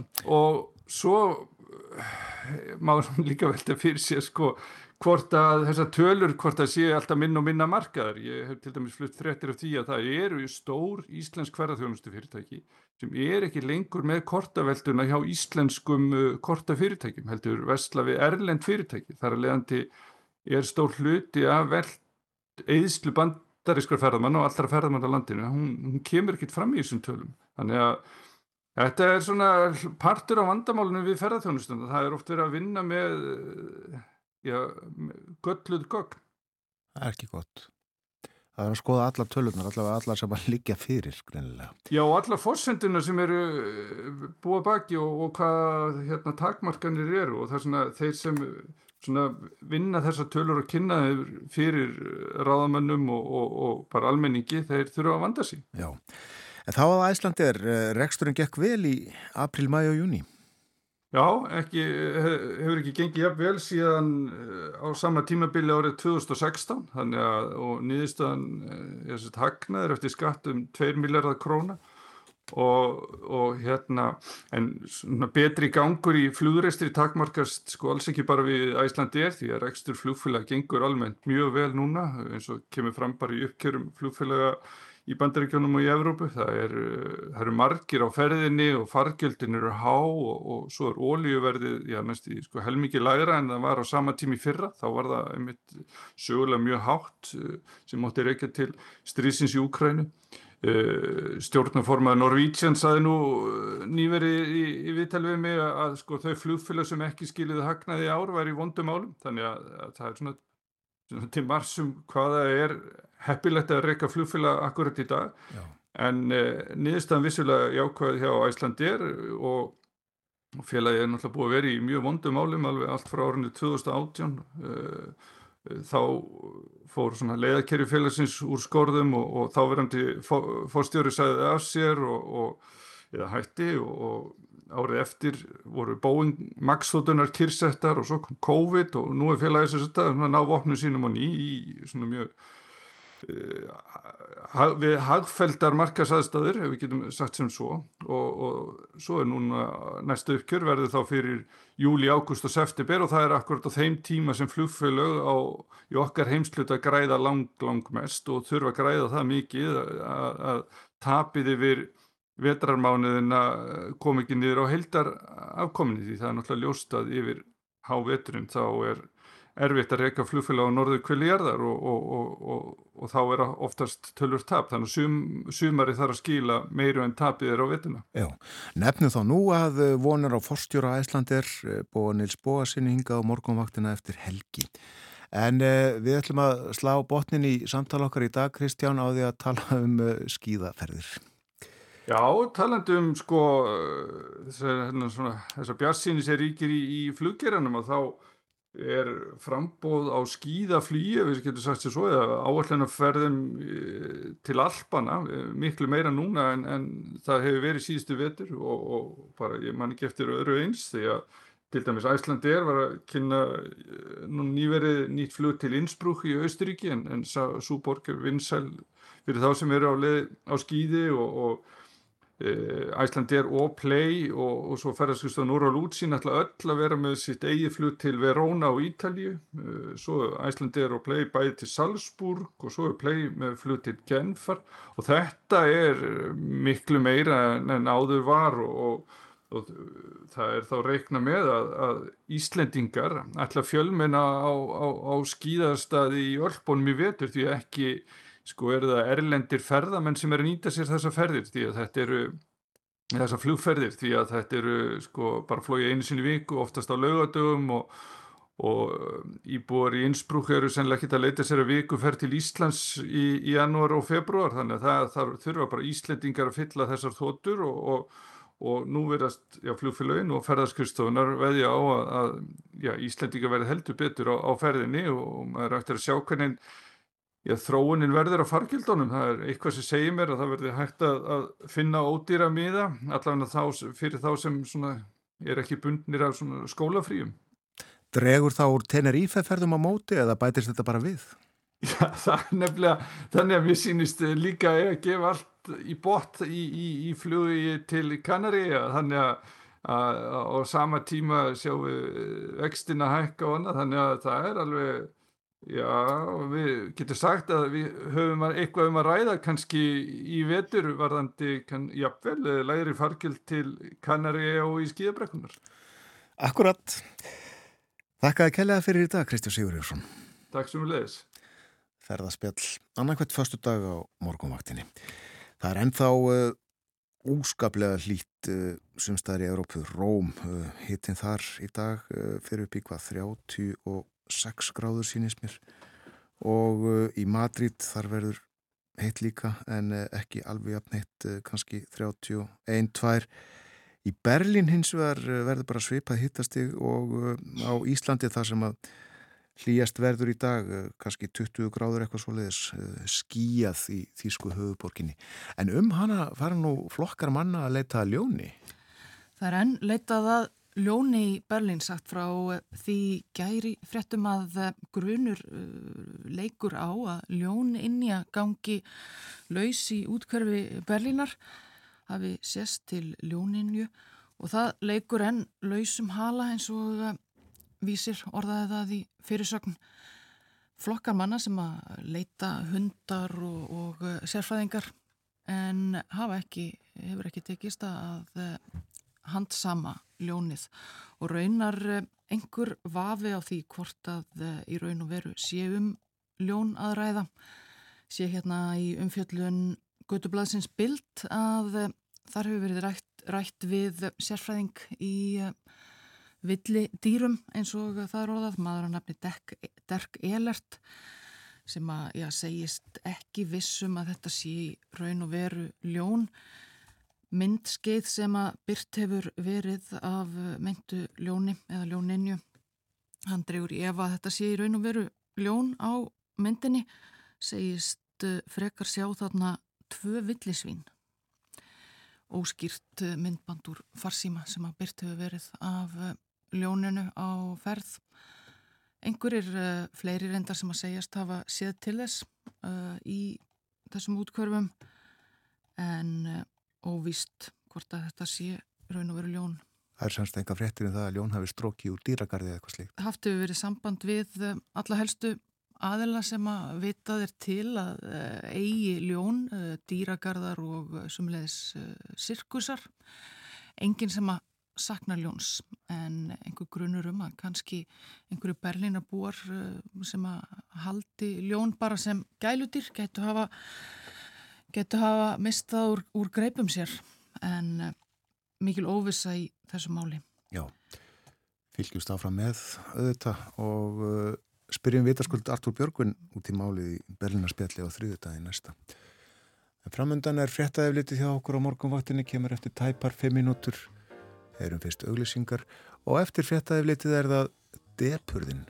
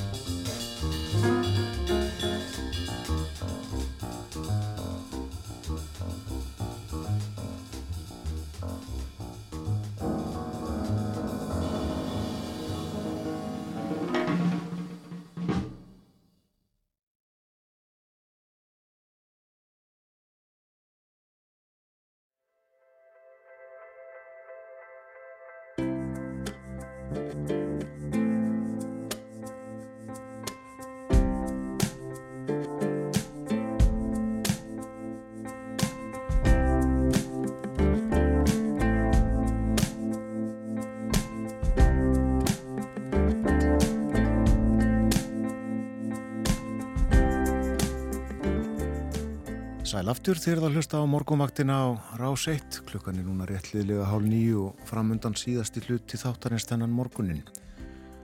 Um sjónamenn Björn Þó Sigbjörnsson og Vera Eilöfadóttir. Vera, þú ert með annað augað á fótbolltaleiknum sem að leikin er hinum einn á nettinum.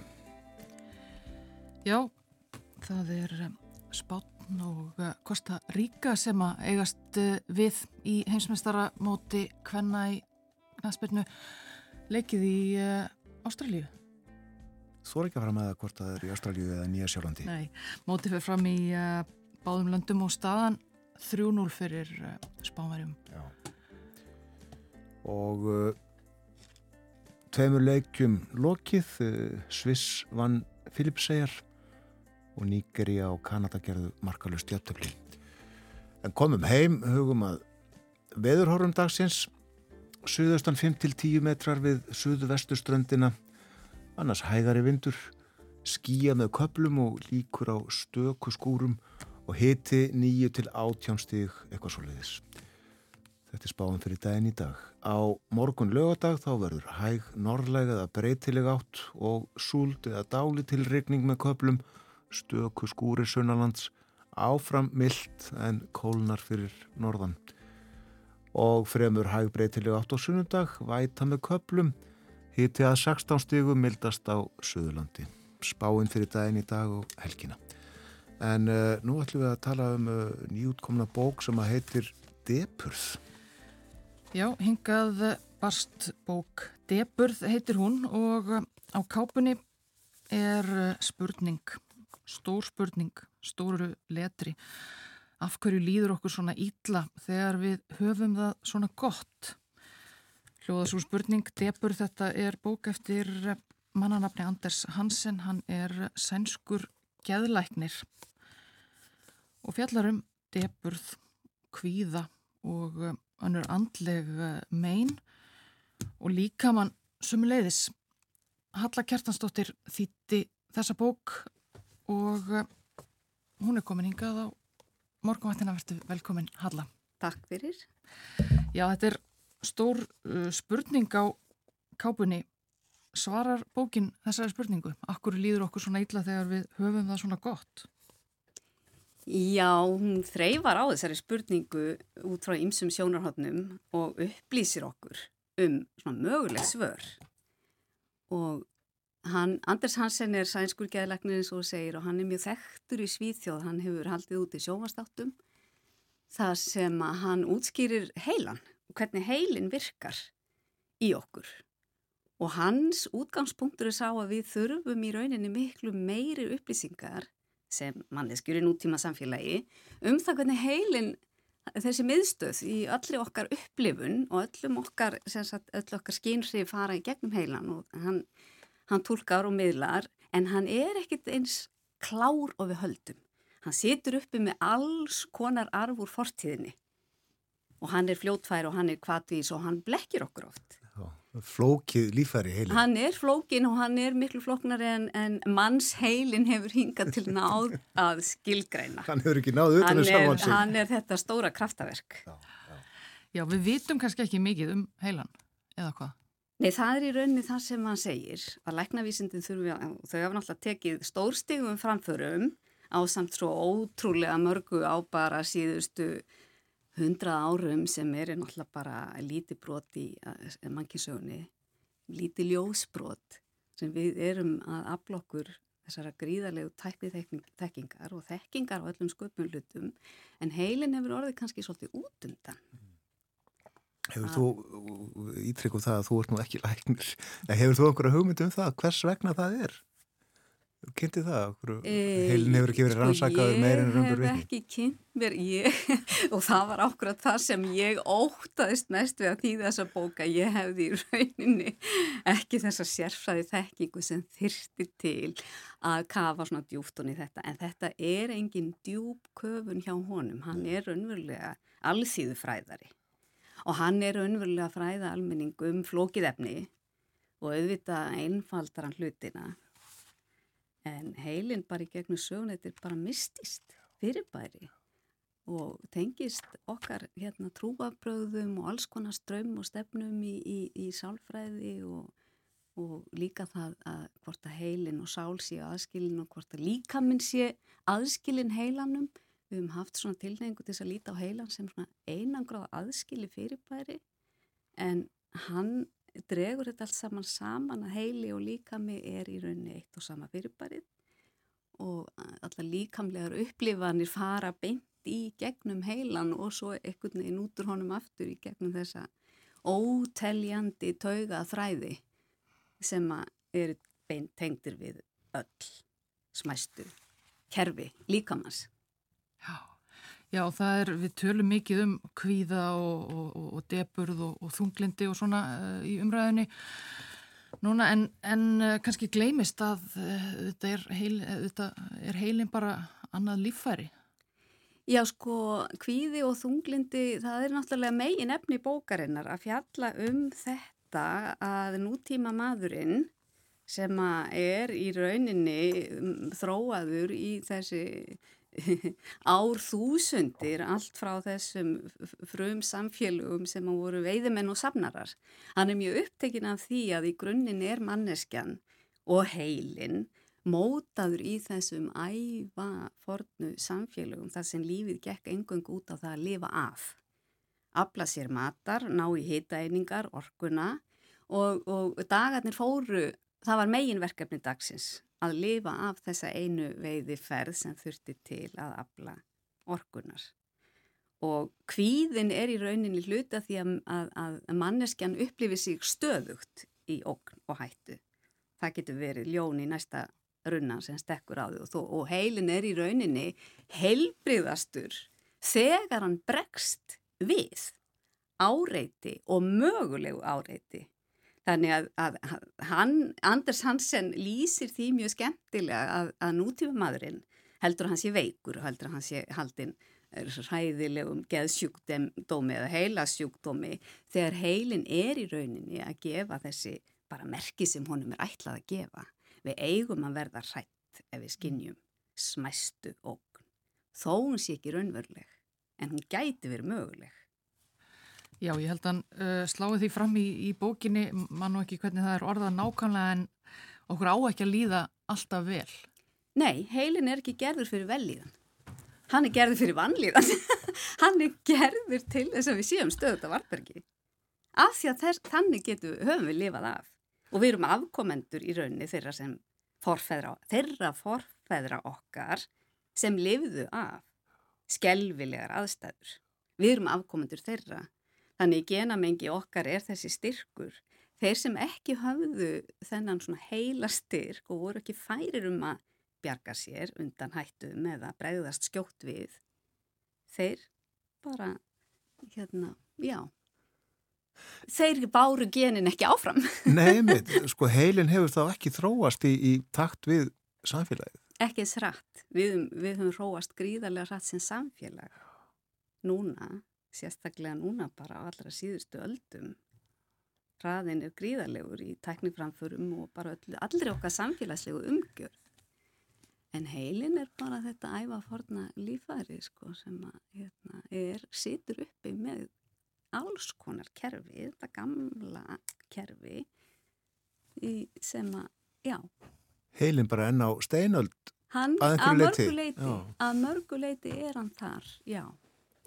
Og svo höfum við, við auðvitað meiri tíma núna þegar við þurfum ekki lengur að eh, já, eldast við eldast við villi dýr við fæðuöflun og svo framvegis. Við höfum meiri tíma til þess að kannski velta okkur upp úr deburðinni og kvíðanum. Já, og allar okkar svona framfæri, teknilega framfæri eru gaggjert til þess að spara okkur sporin, létt okkur, minka drag úr því að við þurfum raunverulega að reyfa okkur. En sko reyfing er manninum eiginlega í rauninni heilanum mjög nöðsynleg. Að hann, hann fjallar meðal annars um það hvað reyfing sé sko holl fyrir heilan, komið svona ákveðnum efnakvörfum í gangi líkamannum og jafni út stresshormón og ímislegt annað sem að hérna, veldur þessum kvíða. Og við höfum í rauninni í, í nútíðamaðurinn reyfir sig allt og lítið og hann segir sko síðasta víðum er sér fallið að þessi fáinu skref sem að nútíðamaðurinn þarf að, að, ganga út í búð til að afla sér fæðu. Það meiri sér búið að taka þau frá okkur sko.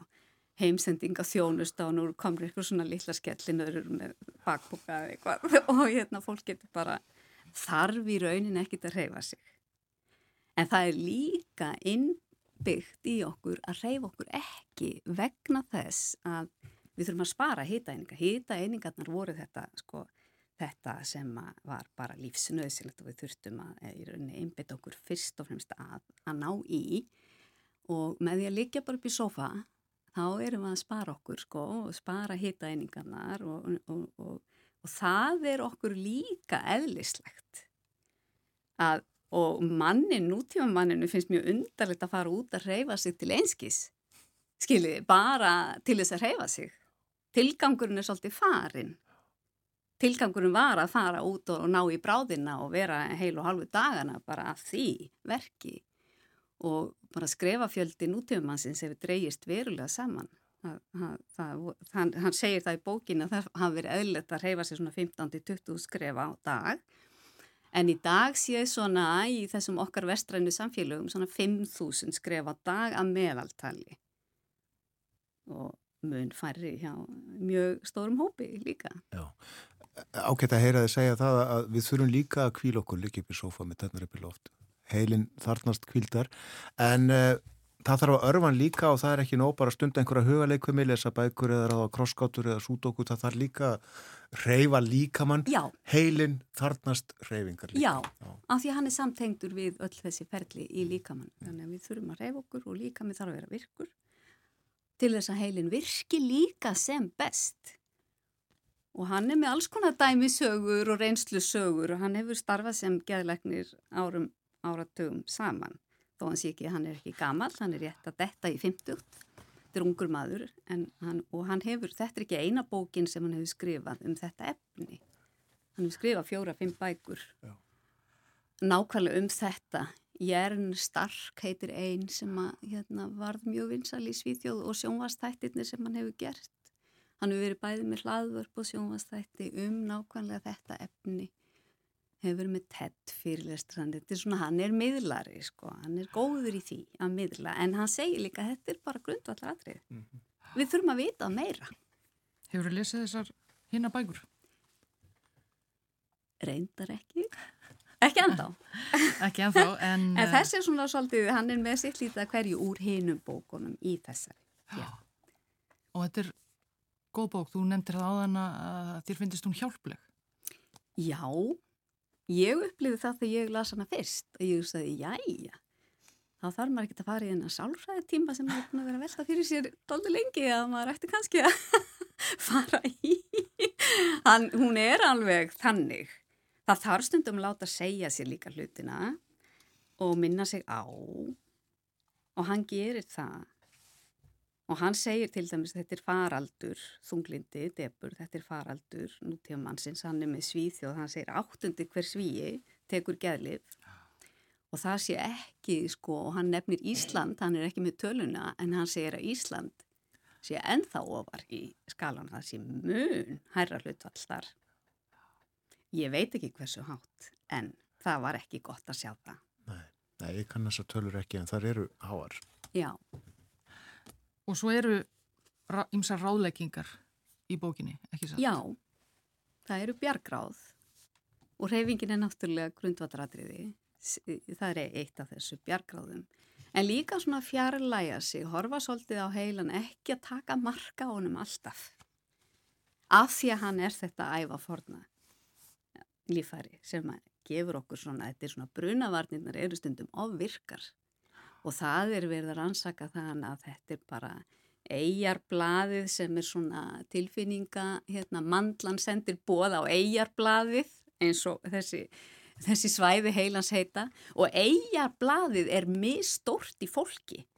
Þannig að þau skila búið einhvern veginn sem við fáum frá þessum reikskinjara sem er mandlan, þau geta verið misterk þannig að upplifun fólks, þessi tilfinningarlega upplifun fólks af sársöka, óta, öllu mögulegu getur verið ótrúlega missterk eftir því hvernig þetta svæði heilans, hversu stort það er, sennilega. Þannig að það er alls konar svona hlutir sem hann einhvern veginn fer inn í og maður verður forvitin og hann finnst þetta áhugavert. En þetta eru þetta býst að snúið. Við uh, þurfum að hunsa skilabóð frá heilanum og Já. ákvörðun um þá hunsun tökum við Já. með þessum sama heila. Já, að vera ekki svona hrætt við, heilin er ekki alltaf, hann er ekki alltaf í skáfaður og höldum, sko. Og mér fannst það mjög hugreistandi. Og líka, hann er líka með ákveðin kapli um haminginu, nútífumæðurinn er algjörlega ofur seldur eftir sókn eftir hamingju.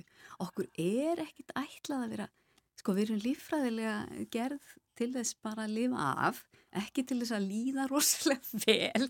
Og þessi eftirsókn eftir hamingju er bara svona svolítið nýtt fyrirbæri. Og það er ágætt að láta minna sig á það. Og, og, og við erum ekki, við, okkur er í rauninni ekki eiginlegt að vera stöðugt í ykkur svona hamingjurúsi, velíðnarúsi það er ekki okkar sko innbyggða, það er bara ekki í anda okkar eðlis eða náttúru. En manni líður kannski bet, betur ef maður, maður átt að sjá á þessu og hættir að gera þessar, þessar kröfur um stanslösa hamingju og velíðan. Já, það er okkur það og það er okkur þetta hjálpræði sem að mér finnst þessi bók hann líkur upp ákveðnum svona dyrum þessu leiti. Þetta er uh, skýrteksti, ekki satt? Mér finnst það, hann spjallar svolítið, ég heyrði nú reyndar frá einum lesenda og hún finnst að tala svolítið við lesendur eins og hann væri að tala svolítið við svona, já, kannski að við vitum ekki neitt. Það er þetta en, en, en svíja, svíjum hættir svolítið til að tala svolítið við fólk eins og það sé algjörlega á núlpunkti. Já, að það þurfi svona að útskýra hlutin alveg frá grunni. Sumi finnst þér vita þetta en það er bara, menn er á mismundi stað. Já, og þú nefndir eins og við vitum ekki nóg um heilan og Nei, nei. En tilfinningin er auðvitað að við að þennan texta er að hann einfaldar flóknar hluti og það er kannski akkurat það. Þess vegna er hann aðgengilegur og, og auðskiljanlegur og, og það er það sem er hans markmið líka. og bókin er eh, hjálpleg og útskýrir margt. Var eh, gaman að tíðana? Mér finnst alltaf gaman að þýða, mér finnst það aldrei leiðilegt. Hver einasta bók gefur mér sko, nýja sín á heiminn. Það er bara þannig. En lítur að vera gjöróld að þýða uh, svona fræðibók uh, annars vegar og hins vegar skáldsögur. Já, fræðibækunar eru örlíti leiðilegra þýleita að textin býður ekki upp á marga valkosti þannig lagað og maður er kannski fyrst og næst að reyna að koma staðrendum alveg skýrt frá sér og stíl höfundar kannski sem er svona fræði höfundur, hann getur verið, hann er kannski með myndlíkingar og ýmislegt annað, en þær eru ofta ekkert mjög skáldlegar, þannig lagað. Þannig að maður verður einhvern veginn að, að, að svona, reyna að koma þessu myndmáli. Það er svolítið, hann er personulegur og hann er sérstakur og, og það er svolítið talmál. Hann vinnur þessa bók upp úr útvarstáttum líka, sko Já. Eða svona hlaðvarpsþáttum þannig að þetta er svona talmál textin, Akkurat. það verður öðruvísi hans. Ekki hrein fræðibók. Nei, alls ekki. Deburð eftir sænska geðlæknin Anders eh, Hansen um það okkur okkur líður svona ítla þegar við höfum það svona gott. Til umfjöldunar hér uh, þýðandi Halla Kjartansdóttir þakka ég kjærlega fyrir uh, komuna á morgunvættina. Takk sem leiðs. Soki ya solo hotondi na sengo yemba nzemboyo Soki ya solo hola mukina pema yemba nzemboyo Toyemba e tosepela oh tobina e oh oh oh oh Soki ya solo hola mukina sengo yemba nzemboyo Soki ya solo hola mukina sengo yemba nzemboyo soki ya solo otondi na esengo yemba nzembo yo. Toyemba ye tosepela ye tobina o. Oh, oh, oh, soki ya solo olamoki na pema yemba nzembo yo.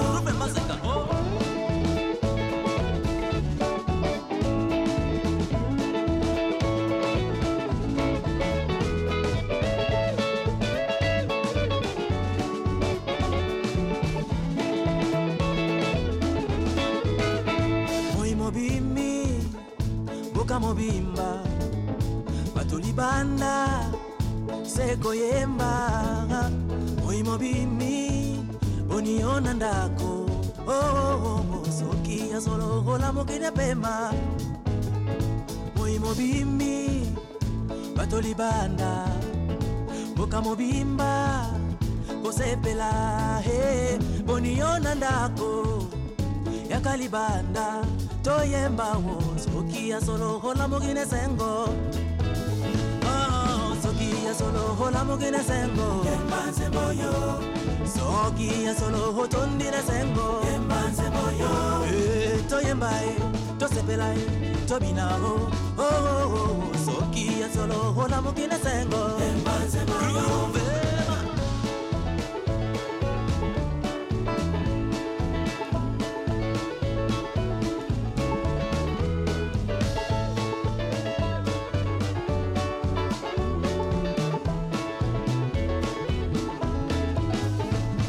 mobimba tosala nini?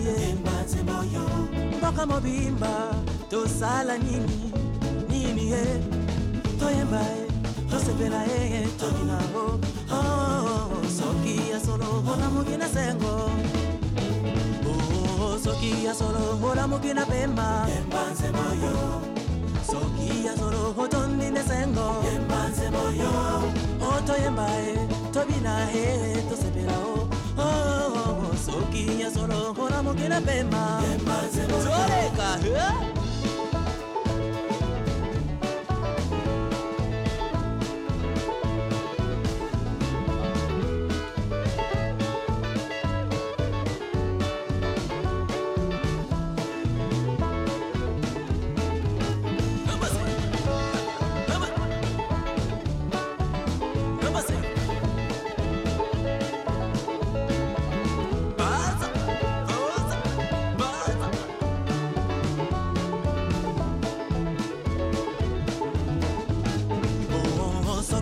solo olamukine sengo. Yembanze moyo soki ya solo otondine sengo. Yembanze moyo toyemba e tosepela e tobinango oh, oh, oh, oh, soki ya solo olamukina pema. Yembanze moyo oh, soki ya solo olamukine sengo. Yembanze moyo oh, soki ya solo otondine sengo. Yembanze moyo toyemba e tosepela e tobina o oh, oh, oh, soki ya solo olamukina pema yembanze moyo